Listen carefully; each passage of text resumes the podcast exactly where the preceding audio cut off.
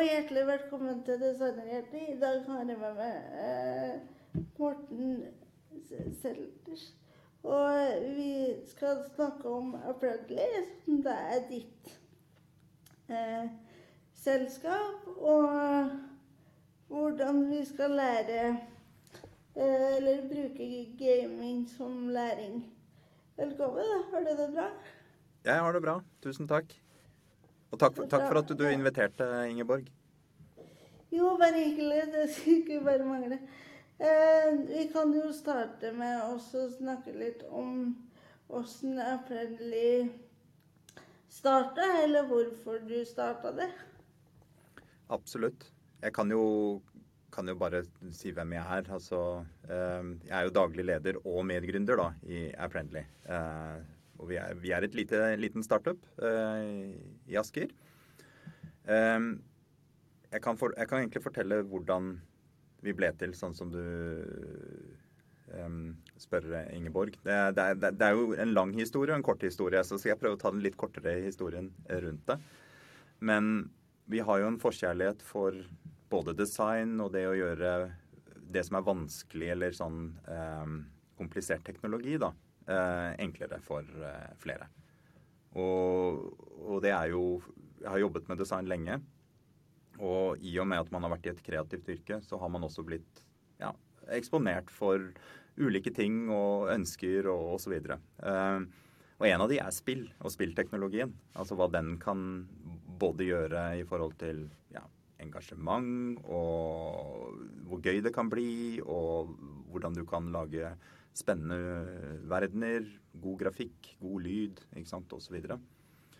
Vi gjorde dette her for mange år siden for uh, Virke, handelsorganisasjonen Virke.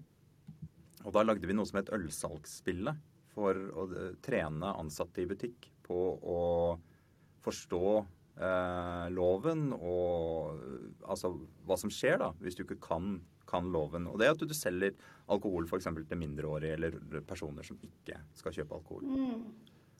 Da hadde de et kurs, et sånn klassisk e-læringskurs med masse tekst opp og ned og multiple choice, som det heter. Spørsmålsstilling osv. Og, og så hadde de vel noen hundre som var inne og gjennomførte det i løpet av et år. Eh, og de hadde vel ja, Ansatt i butikk i Norge jeg har faktisk ikke tallet, men la oss si det er 30 000 eller 40 000, da. Eller mer. Men så hvis det er 200, 100-200 eller et eller annet sånt som da gjennomfører, så er det en liten andel, bare. Bare en prosentandel. En svak prosentandel. Så vi, vi gutset, og vi sammen med et par veldig dyktige prosjektledere osv. utviklet da et, et spill sammen med Virke. Og i løpet av en fireårsperiode så hadde vi 80 000 gjennomførte gjennomspillinger på samme kurs. Uh, og det var bare starten på det. Men det ga jo mersmak. Så hvorfor ikke bruke spill på læring? Så når det treffer, så ja, det treffer det virkelig. Det skjønner jeg veldig godt. Eh, hva vil du si er de største altså, For det finnes jo mange måter å lære på. Ja. Hva vil du si er største fordelen med å lære med spill kontra andre mer tradisjonelle læringsmetoder? Ja, det, det er forskjellige innganger, egentlig. Fordi alt til sitt formål. Eh, helt klart. Men det som er gøy med spill, det er jo det at det, det kan engasjere på en helt ny måte. Det at det, det, det, er mer spennende og interaktivt få lov til å løse problemer enn det det er å bli fortalt eh, hvordan du skal løse problemer. Så hvis du tar den tradisjonelle læringen, så er jo det tekstbasert ofte. Eller uh, videobasert. Og video fungerer jo for du kan lytte istedenfor å måtte lese, så det fungerer jo for en større andel. Men det som video ikke fungerer godt på da, det er målingen av hvordan gjennomfører du, hvordan, altså hvordan øver du på, på, læringen. Eh, det går ikke vidt, og det er en monolog. Så i, i spillteknologien, i og med at det, er, det har blitt ganske bra Du har jo fantastisk 3D-verdener. ikke sant? Du kan leve deg rett inn i, i, i simuleringer. Uh, mm i og med at det blir interaktiv, og det at du får lov til å utforske, det trigger en av de tingene som gjør at læring fungerer. Så hvis du bare ser på barn, og hvordan barn lærer, de lærer jo ved å utforske og leke osv. Og, og, og spill har jo da den evnen til å kunne trigge, trigge, på noen av de samme tingene selv for eh, voksne. så har jeg lært en ny ting. Jeg har bare lyst til å si det. Det er jo det Jeg har prøvd å finne ut av hvem som har dette sitatet, men eh, det er en kinesisk filosof som sier, bare kort forklart, men hvis jeg blir fortalt noe, så, så glemmer jeg. Men hvis jeg får lov til å være delaktig, så husker jeg og lærer. Så det er jo den interaksjonen som du får lov til å ha i spillverdenen. Den, den, den gjør noe med Altså, den, den, gir deg muligheten til å gjøre det samme som du ville hatt en klasseromsopplevelse. Eller hvis du hadde hatt det på lokasjon. Det er, ikke, det er ikke alltid det like bra som det å lære av en lærer, men du får lov til å gjøre det på eh, digitalt. Og det klarer ikke videotekst å, å levere. Nei, det er jo et godt poeng. Eh, vil du si at det er noen negative sider ved å lære spill, eller er det bare positivt? Alle, alle ting er jo negative. Eh, alle har sine negative sider, ikke sant? Alle, alle former. Jeg tror den største altså, utfordringen som du har med, med, med spillteknologien, det er jo igjen det at uh, det er en fin balanse mellom det å lære og det at det bare blir et artig spill det, jo mer du liksom skal på læringssiden, jo mindre artig blir spillet. Jo mer du gjør det til et artig spill, jo mer blir det bare som en reklame markedsføringsgig mer enn en, en læringsopplevelse. Så du må gå den balansegangen for å eh, Når du, du, utvikler spillet da, og designer spillet, så må du ta liksom en del avgjørelser underveis. Og så er det en annen ting. Det er ikke Spill fungerer for mange. Eh, men sånn i forhold til hastighet, hvor raskt det går, i forhold til eh, lesbarhet, eh, oppfattelsen av lyd, audiovisuelt osv., er en del ting du må ivareta. Men tar du Er du klar over disse når du utvikler spill? Er du klar over at du har et veldig, veldig eh, hyperfokusert mål på hvorfor du skal bruke det? Så klarer du å håndtere disse type situasjonene situasjoner også. Så er det jo sånn at dette er en skjermopplevelse. og det er, det er, klart det at det, Vi snakker jo veldig mye i samfunnet nå om at folk bruker mye skjerm. Og det gjør man jo. Og, men jeg tror den største forskjellen altså Hvis du skulle valgt da, med å bruke skjerm og digitale flater til noe, så ville jeg jo anbefalt at man valgte til å bruke til sånne type tjenester som dette, fremfor f.eks. at man bruker TikTok eller eh, en annen litt mer sånn hvor du ikke nødvendigvis Eh, har den dypeste muligheten til å lære bort. Men hvis du skal fordele skjermtiden, så, så tror jeg dette er et uh, veldig spennende medium. Og så kan jeg nevne én ting. Det er jo det at det, det er Mine barn de bruker spill nå i barneskolen. På mattelæring, på leselæring osv. Cappelen bl.a. Jeg mener å huske at det er Cappelen som leverer det har vært veldig flinke til å lage minispill og mikrospill rundt det ene og det andre. Og jeg ser det at det er mye mer spennende å lære på den måten enn å bli presentert med et A4-ark og måtte prøve å øve der. Men det å løse disse matteoppgavene inne i spillverden, det er mye, mye, mye morsomt for barna mine.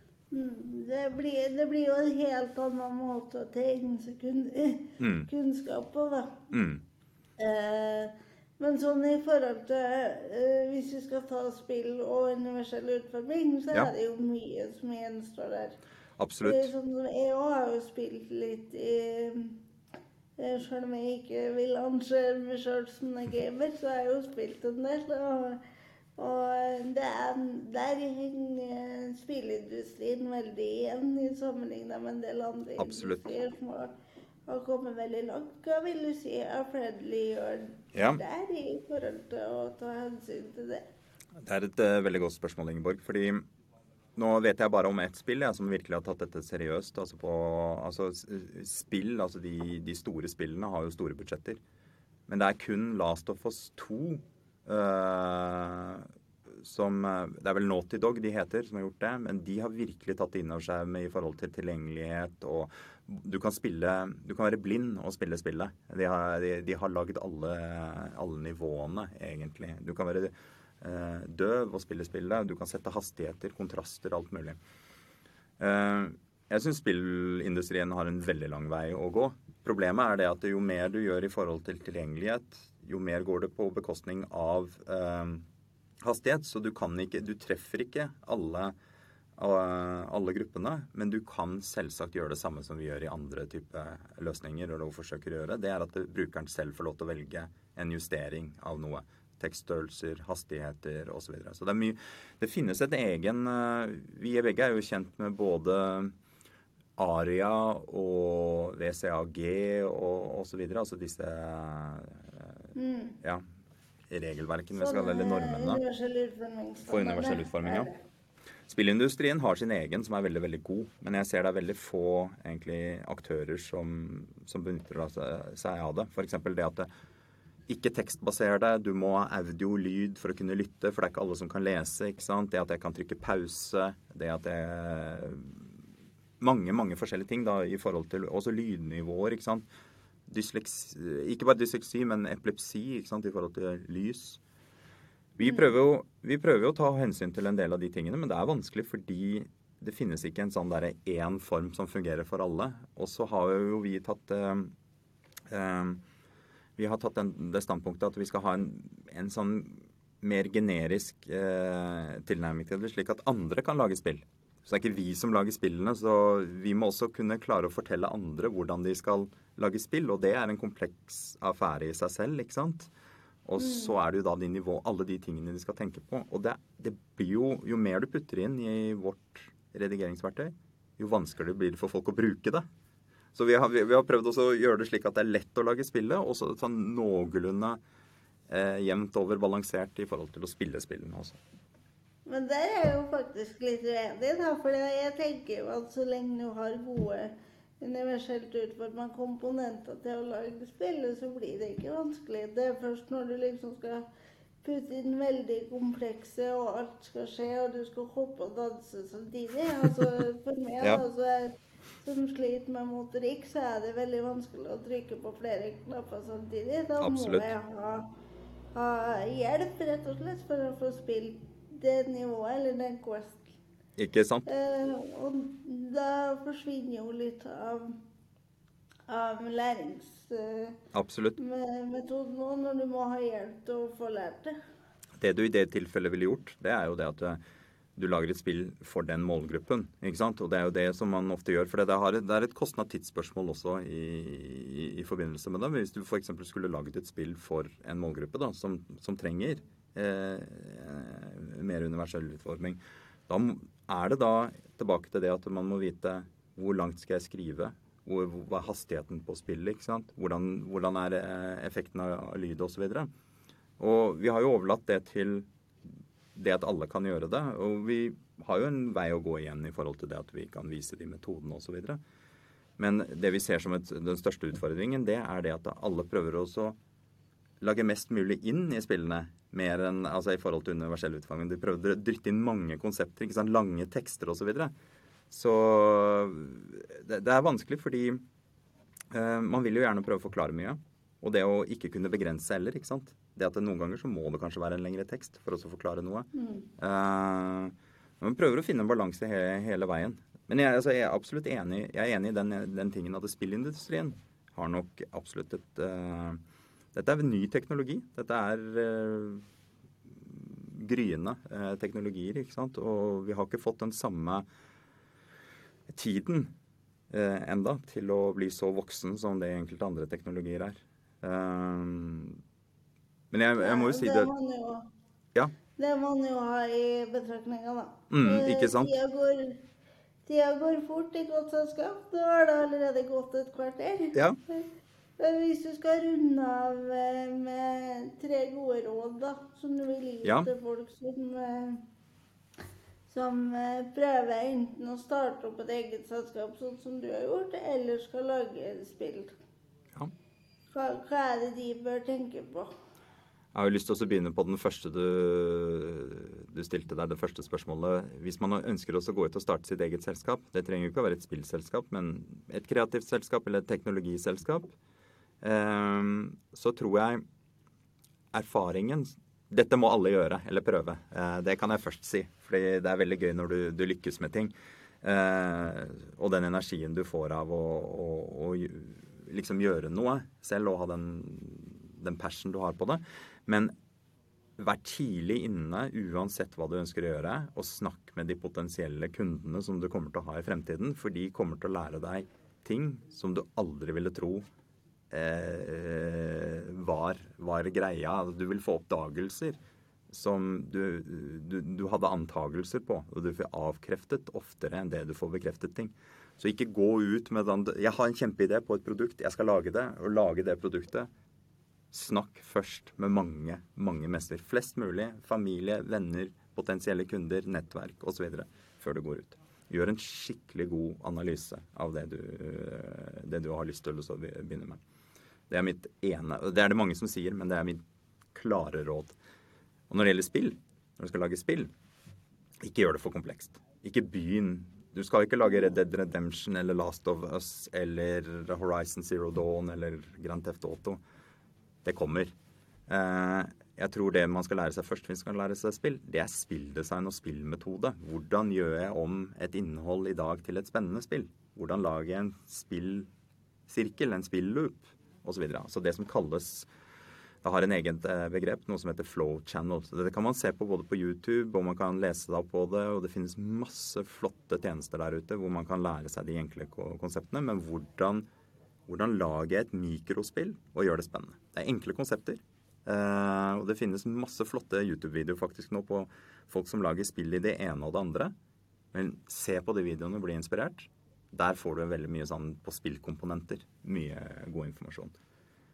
Og jeg vil bare si, si, i forhold til det Vi prøver hele tiden å lage spill eh, Strekke oss innenfor vår plattform. Men da liksom være kreativ og tenke utenfor boksen og prøve å få til liksom sånne minispill-type. Så det er alltid rundt minispill, mikrospill, og det kan være superenkelt. Bør være superenkelt. Ja. Det høres veldig bra ut. Da sier tusen takk for at du stilte opp. Det ble sesongavslutninga, så vi får håpe at det blir en sesong to av Designerte. Det håper jeg i hvert fall det. Eh, og så snakkes vi igjen. Tusen takk for at jeg fikk komme, Ingeborg. Og så tenker jeg det at vi skal også sørge for at du får en sesong to på dette her. For det er spennende det du driver med. Absolutt. Takk for det. Ja.